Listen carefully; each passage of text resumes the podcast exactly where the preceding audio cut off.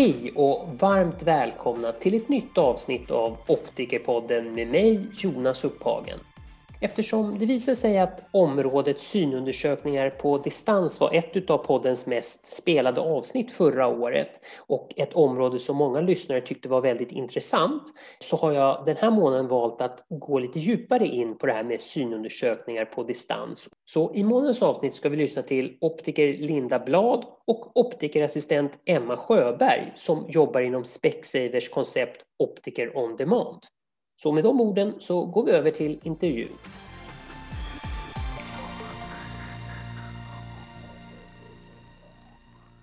Hej Linda och hej Emma och välkommen till Optikerpodden.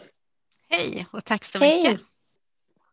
Jag gjorde ju ett avsnitt kring synundersökningar på distans tidigare och det blev ju förra årets mest lyssnade avsnitt så det här var ju ett område som många tyckte var väldigt spännande märkte jag. Så därför vill jag ju att vi ska prata lite mer om det här och kanske höra lite mer om optikerassistentens roll i det här.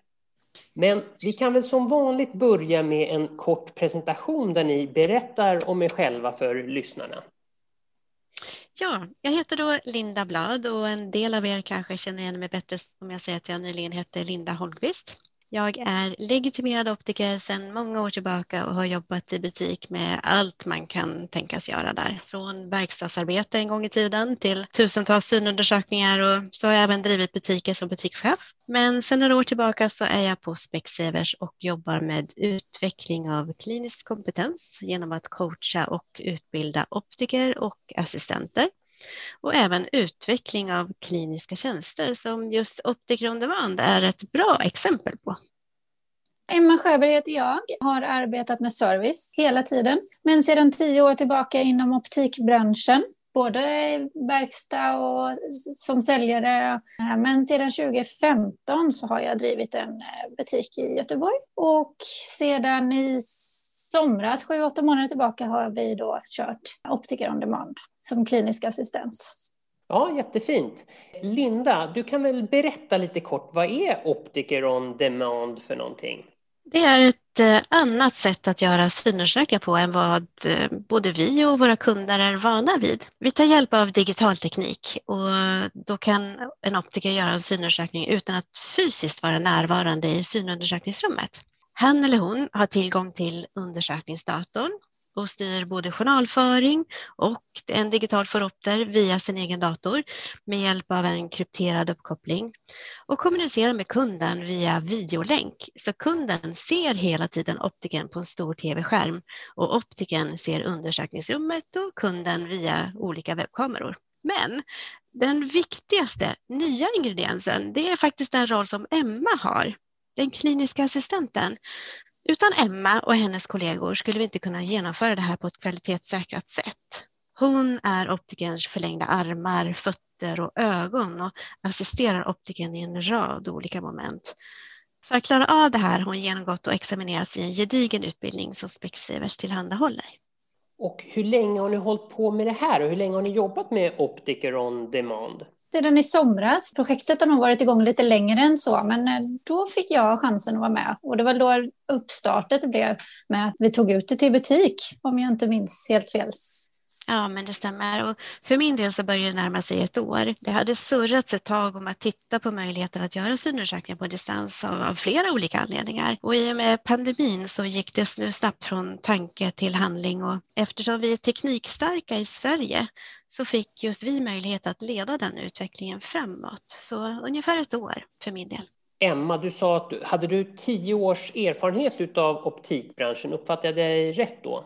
Ja, det stämmer. Min första dag inom optik var min första dag inom Specsavers. Så tio år med Specsavers och tio år inom optik. Mm. Hur lång var den här internutbildningen då som du har genomfört för att kunna jobba med optiker on demand? Jag fick en liten specialare i och med att jag var med under eh, när vi startade det här eh, projektet. Så jag tror att Linda har lite bättre koll om hur eh, utbildningen går till nu när vi är igång och gör det här Precis. från början. Ja. ja. du fick en lite specialare, kanske en riktigt bra sån hoppas jag. Ja, mycket bra. ja, men om vi ser på hur det ser ut just nu så kan vi dela upp det i, i några olika moment.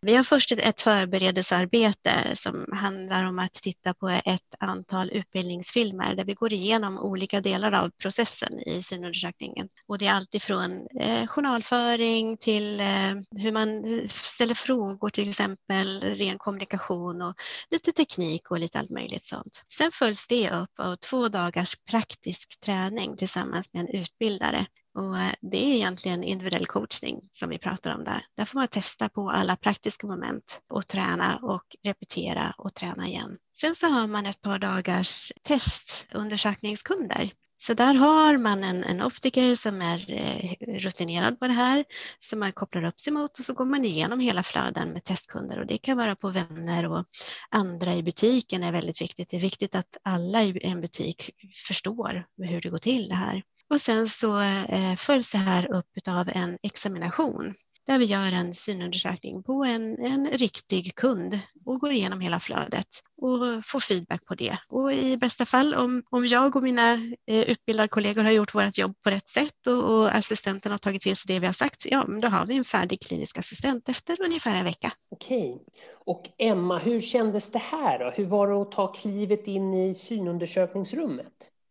Ja, det var ett stort privilegium tyckte jag, för att nu fick jag ju helt plötsligt fördelen att vara med på hela kundresan. Och väldigt spännande, utmanande. Det skiljer sig ju till stor del från det vardagliga arbetet i butik. Jag vill inte säga att det är eh, någonting helt annat, för vi pratar ju om samma saker. Men, men eh, det, den stora fördelen är ju att man är med hela vägen. Annars så träffar man ju kunden innan den går in till optiken och efter. Nu får jag ju chansen och möjligheten att vara med hela vägen. Eh, både i ordination men också om det är problematik och kunna stötta på ett helt annat sätt. Min kunskap. Jag har fått väldig kompetensutveckling av det här och som jag kan ha hjälp av i andra delar av butiksarbetet. Kan du berätta lite om hur kundresan ser ut, vilka moment som du är inblandad i så att jag förstår lite mer hur din roll ser ut? Är det de som jag kör själv eller tillsammans med optiken? Ja, jag skulle vilja veta dels de som du kör själv och de som du kör tillsammans med optiken. Ja, till att börja med är det ju förtester, autorefraktor och ögonbottenfotografering, PD. Vi fyller i lite grann i journalkortet om anledningen till besöket. Eh, sedan är ju gör ju optiken och jag tillsammans preliminära tester, ställer in foropter och eh, även använder oss av provbågen för de optikerna som vill använda sig av den. Men också presenterar undersökningen, hur den kommer gå till, att eh, man fungerar som optikens förlängda arm och fötter och ögon. Men att det är en legitimerad optiker som kommer göra undersökningen och själva ordinationen det här frågeformuläret som du, ni fyller i i början, vad är det för typ av frågor som är med där? Ja, anledningen eh, till besöket. Eh, viktig fråga. Om man har befintliga glasögon, hur man tycker att de fungerar eller om det har funnits någon problematik där. Förberedande för att optiken ska kunna ta vid så smidigt som möjligt och inte behöva ställa dubbla frågor till kunden. Eh, kan det även vara frågor kring tidigare ögonläkarbesök och ärftliga ögonsjukdomar som finns i familjen exempelvis? Ja, absolut. Och det är ju väldigt anamnetiska frågor. Är det. Eh, finns det huvudvärk, problem med dubbelseende, gruskänsla och så vidare? Och där har just vi eh, på Specsavers ett, ett eh, journalsystem som är väldigt enkelt eh, utformat där man följer kvalitetsnormen och får med alla de frågor och kan svara enkelt genom kryssrutor, ja eller nej, och fylla i ytterligare information som eventuellt behövs. Men egentligen så är det ju anamnesen som, som görs, men ni vill inte kalla det för Vi vill anamnes. inte kalla det anamnes, vi vill kalla det behovsanalys. Ja. Jag som optiker, jag har egentligen en färdig anamnes om jag tittar på frågeformuläret där. Ja, och är allting glasklart, ja, då är den ju där. Ja. Är det så att du behöver komplettera med någonting, då är du välkommen att göra det. Men också så, det som är viktigt här är att vi har ju tillgång till datorn båda två. Så att för att man inte ska sväg, sväva iväg för mycket så kan man ju göra en notering att misstänkt katarakt på eh, ögonen och så kan optiken ställa de frågorna de behöver göra framöver. Eller att, så att kunden upplever ändå att vi har, vi har pratat om det här, vad det nu kan vara. Då förstår jag bättre. Preliminära testerna, hur upplever du dem? Är det ett av de svåraste momenten i undersökningen eller vad, vad känner du där? Nej, inte när man då under utbildningen får lära sig varför man ska göra dem och vad det är optiken tittar efter. Och då tycker jag att de är, det känns bekvämt. Det är kul. Vad skulle du säga är det svåraste momentet i den här undersökningen som du gör? Covertest skulle jag säga är det svåraste. Dels för att samspelet mellan mig och den optiken, det är lite olika vart de vill att kunden ska titta för att de ska se så bra som möjligt. Att kunna vara lyhörd, att titta i kameran så att de ser det de behöver se eh, kan vara lite utmanande. Och därför är det så viktigt att man förstår vad det är optikerna tittar efter för att kunna hjälpa till så gott som möjligt att ha en kommunikation, att ser du det du behöver se eller har du fått med det du har fått med, vill ha, ha med. Hur kommer optiken kunna se det här? Har de någon kamera som de kan zooma in med? Eller hur, hur funkar det när de ska se hur ögonen rör sig till exempel vid ett eh, covertest? Då har vi en eh, kamera som sitter lite närmre kunden, eller precis bredvid kundens stol som vi då ställer in i rätt höjd. Och där stämmer vi av så att optiken tycker att de ser där de, det de behöver. Men det gäller ju också att vinkla den på rätt sätt så att man både kan göra covertest på långt håll men även på nära håll. Då. Det låter ju jättebra att man har en lite, en lite närmare kamera där man kan kolla på lite mindre detaljer också. Ja, om jag får flika in där så skulle jag säga att när Emma har fått till det här på rätt sätt och jag som optiker tittar, då har jag en otroligt fin översikt på ögonen. Jag har en, en uppförstoring som inte är i närheten av när jag är på riktigt i undersökningsrummet. Så det här är ju en av de verkligen, ska jag säga, fina sakerna med det här. Vi får en otroligt fin överblick och översyn över, över kundens ögon. Samtidigt som du inte behöver, kan jag tänka mig, koncentrera dig på att göra samtidigt som du tittar, utan du kan bara titta. Ja, precis. Jag kan verkligen sitta, sitta och fokusera på minsta lilla detalj här. Så att det, ja. det, är en, det är en förmån att få sitta som optiker och, och titta när Emma gör en covertest. Ja, det här låter ju jättespännande. Emma, vad skulle du säga, vilket är det roligaste momentet i det här då? Ordination att, eh, och samställespelet mellan optiker och mig som assistent. Att man hjälp, kan hjälpas åt att fånga upp saker. Till exempel om någon är ljuskänslig, att man kan fånga upp, jag kan kanske produkt, produkterna bättre eh, och där kan jag få en chans att bidra med något tips eller sådär. Ja. Men samspelet, förståelsen oss emellan är det roligaste. Du kan väl berätta lite mer om det momentet. Jag förstår att när man har gjort förtester, när man har gjort de preliminära testerna, man har gjort en refraktion och så ska man ju knyta ihop säcken i slutet. Hur, hur går det momentet till? Ja, det är ju främst optikens roll såklart att eh, göra en ordination. Men eh, man brukar ju tala om vad skillnaden är eller om det finns några skillnader eller om det är första gången glasögon. Vad man kan förvänta sig av sina nya glasögon. Men också får man ju en chans att med hand, händer och armar och fötter och kunna visa vad i olika glas, om det är första gången progressiva till exempel, kan jag ju visa med händer eller skissa lite grann samtidigt om det blir oklart. Det är en väldigt fin eh, upplevelse det här samspelet som blir mellan optiker och säljare. Mm, jag förstår. Vad tror ni då? Att vi börjar med eh, att släppa in optikerassistenten i synundersökningsrummet. Kommer det här medföra att fler optikerassistenter kommer, kommer vilja vidareutbilda sig till optiker? Vad, vad tror ni där?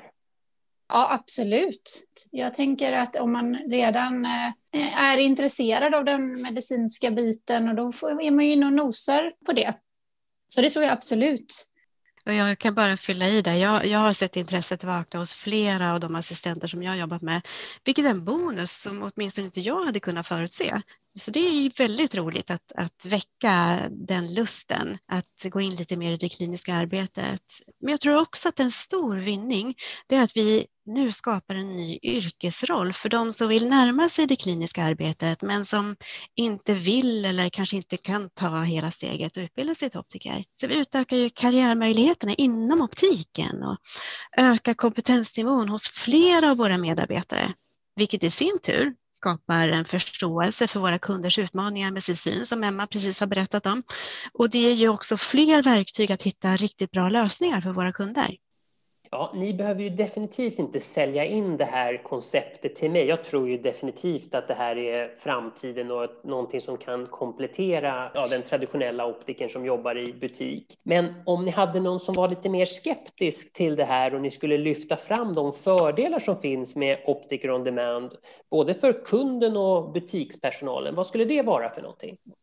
Vilka fördelar kan ni se med optiker on demand, både för kunden och för butiken? Och för butikspersonalen. Men som jag nämnde tidigare så höjs ju kunskapsnivån, vilket är utvecklande för våra kliniska assistenter och kunderna får ännu lite vassare hjälp att lösa sina problem. Det är en klar fördel med det här. Och om jag tittar på fördelarna för kunderna i ett lite större perspektiv så ser jag att vi med hjälp av Optiker on Demand kan fördela kompetens och kunskap över hela landet utan att behöva flytta på vare sig optiker eller kunder. Du som optiker med specialistkunskap i till exempel diabetesscreening. Du kan jobba från Sundsvall med diabeteskunder i Kalmar och kunden kanske i Lund som bara pratar arabiska kan få träffa optikern som jobbar från Uppsala som också pratar arabiska. Och jag kan bo kvar i Örebro med min familj men vara anställd i Visby och den pensionerade optikern som bara vill spela golf tre dagar i veckan kan koppla upp sig från lägenheter i Spanien och jobba extra.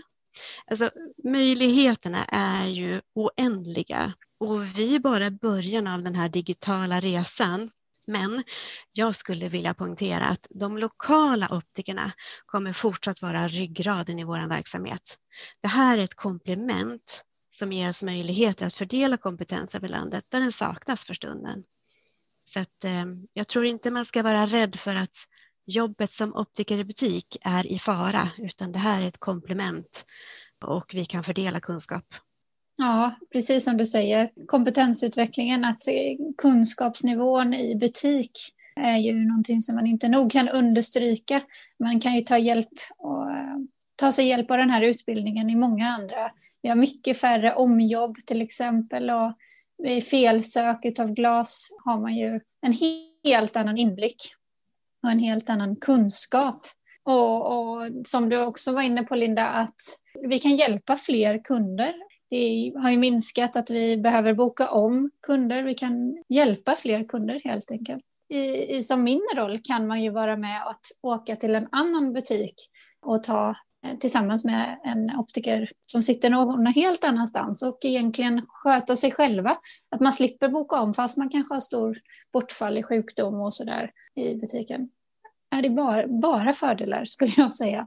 Ja, det låter ju fantastiskt det här. Tänk att kunna befinna sig i Spanien en solig dag och så sitta och göra synundersökningar i ett regnigt Sverige. Det låter ju fantastiskt tycker jag. Vilka begränsningar ser ni i det här? Det finns ju jättemycket fördelar som ni har dragit här nu, men om man skulle se lite kritiskt på det här, vilka, vilka svårigheter och utmaningar finns det i det här? Vi har ju fortfarande digitala utmaningar i det här. Där jag, skulle, där jag kan nämna exempelvis de mer vad ska vi säga, specialiserade undersökningarna som, som optiker ibland behöver ta till, som en oftalmoskopering till exempel, där vi tittar efter en, en exempelvis efter en, en gråstarr, liksom biomikroskopering där vi inte riktigt är hela vägen framme med, med den teknik som vi har.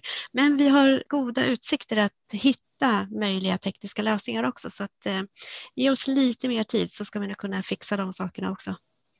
Ja, det tvivlar jag inte en sekund på att det där kommer man kunna ta sig förbi. Redan idag så har vi ju instrument som gör genomlysning av linsen till exempel. Så att det är ju bara att skicka över de filerna eller de bilderna till optiken. Så att det där tror jag är bara en tidsfråga innan man tar sig förbi den där barriären. Absolut. Vilka kunder är det som väljs ut eller är det öppet för alla det här? Första svaret jag tänkte var att alla kan göra detta, men nej, det, det finns begränsningar. Just om det gäller att man har lite svårigheter med språk kan det vara li, lite svårare. eller mindre barn. Då gäller det att den som är klinisk assistent är lite mer med. Man, barn kanske inte riktigt alltid vill sitta still och det, det kan bli lite mer eh, handpåläggning i de eh, situationerna. Men annars skulle jag säga att eh, det går alldeles utmärkt på vem som helst. Hör man lite dåligt kan det kanske också vara lite mer trixigt, men det är både optiker och assistenten eh, informerar varandra om att ja, prata lite långsammare, tydligare till exempel om någon har... Eh, det, det brukar gå bra.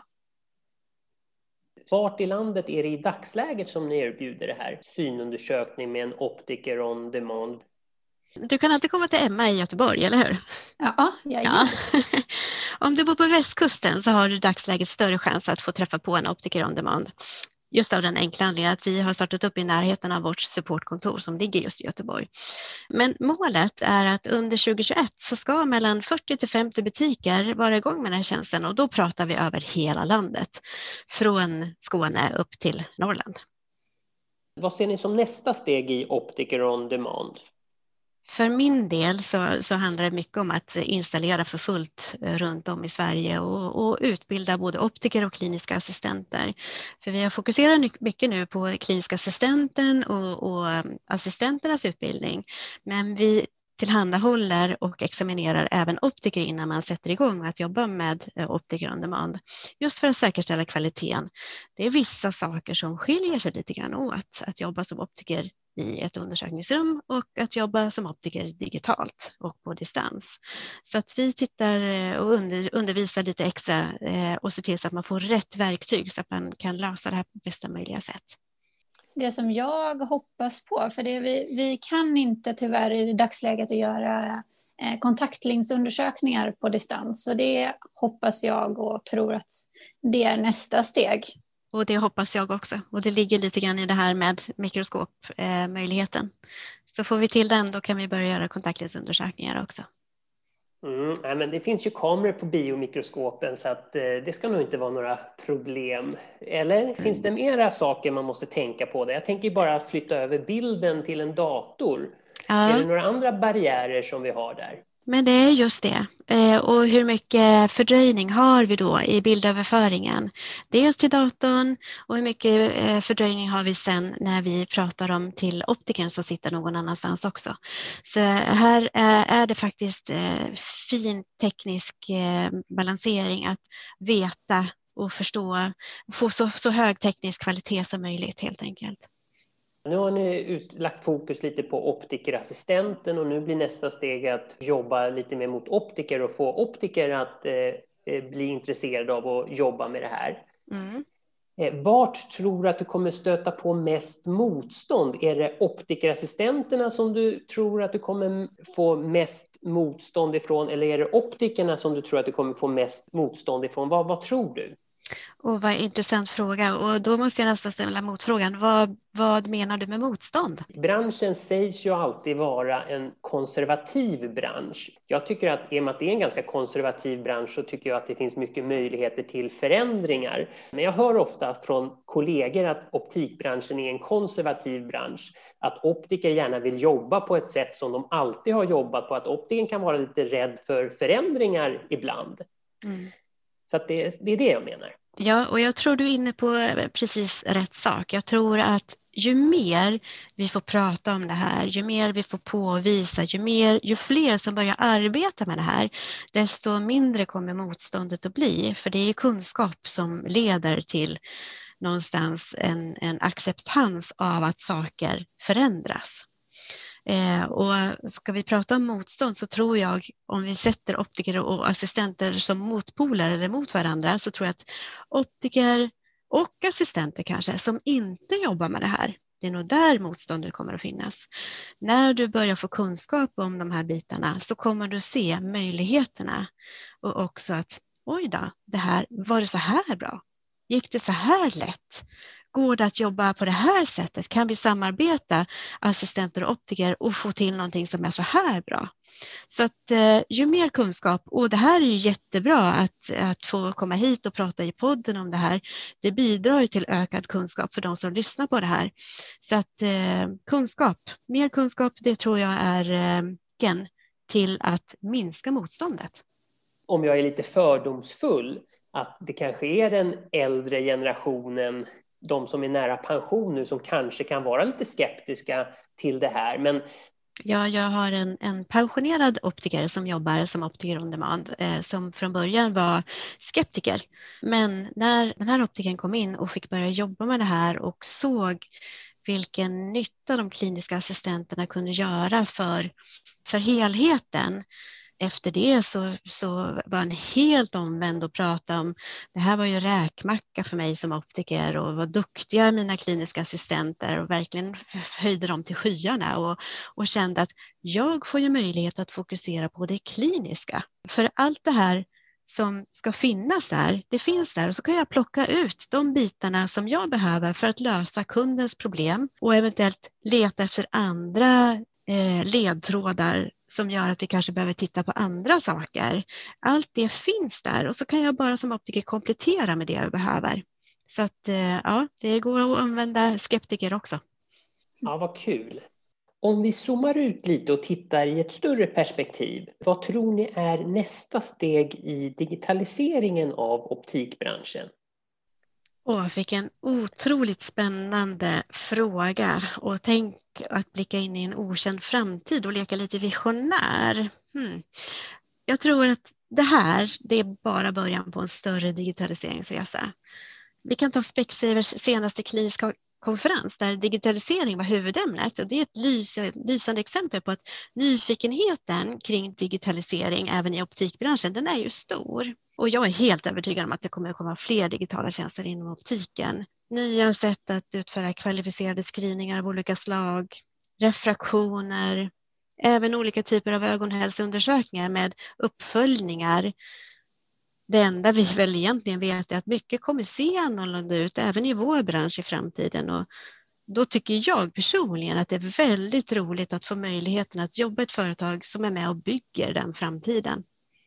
Emma, har du något att tillägga? Jag sitter och funderar. Eh, ja, nej, jag har inget att tillägga, bara instämmer. Ja, nu har inte jag så mycket mer frågor. Nu tycker jag att jag har fått en uppfattning här om vad Optiker on Demand är för någonting. Eh, är det någonting som ni vill lyfta fram innan vi avslutar? Är det någonting som ni känner att det här skulle vi ha lyft fram också? Eller det här skulle ha ställt en fråga om Jonas, för att det här är någonting som vi vill lyfta fram? Jag har faktiskt en sak som jag väldigt gärna skulle vilja prata lite om och det är något om våra kunders reaktioner. Vi får så många fina lovord från våra kunder. De känner sig sedda, lyssnade på, omhändertagna och många gånger så lyfter de fram just det fina samarbetet mellan optiker och klinisk assistent. Och om vi ska våga oss utanför det kliniska en liten sväng så tror jag att Emma, du kan säkert vittna om försäljning till de här kunderna att de ligger minst i paritet med en synundersökning gjord på ett traditionellt sätt. Ja, absolut. Absolut, och det är enklare. Vissa gånger följer ju vi som kliniska assistenter med ut precis hela vägen och gör vågvisning och pratar glas och själva beställningen. Men, och det är ju en enorm fördel i det. Man vet ju redan vart, eh, vad som är ordinerat och varför det är ordinerat. Och man behöver inte ha någon överlämning. Men även i de fall där vi behöver ha en överlämning kunden träffar en annan säljare så uppfattar jag att det är minst lika smidigt som om det hade varit en optiker som gjorde överlämningen. Ja, precis som du säger, de är väldigt positivt överraskade. Kanske att det finns en, den, en lite äldre generation som är lite skeptisk i början och som många gånger är, är väldigt positiva när de väl kommer ut från undersökningen och tyckte att det gick över förväntan ja, det måste vara jättepositivt för kunden, tänker jag, att när man liksom har två engagerade personer som är engagerade helt enkelt. Ja. Yes, men eh, då har inte jag så mycket mer frågor, så att då vill jag bara säga tack till Linda och Emma för att ni tog er tid att prata med mig i Optikerpodden. Tack för att vi fick vara med och ja. jag tycker det är extra roligt att vi fick med Emma så hon fick prata lite grann om hur det jobbar som klinisk assistent också. Ja, det var himla kul. Tack snälla att vi fick vara med.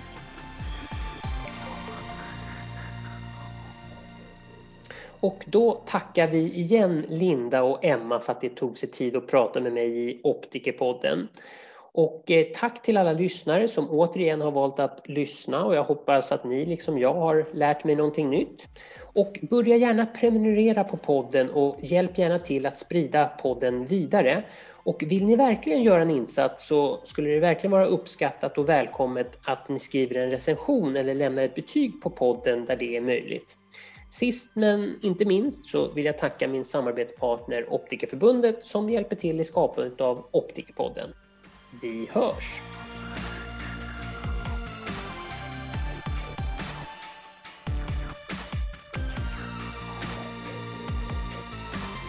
Yes, men då får ni återgå till arbetsdagen, för det är ju lite tid kvar innan vi kanske tar helg. Så är det. Så är det ja. ja. Så att, eh, ni får ha en trevlig fredag helt enkelt, båda två.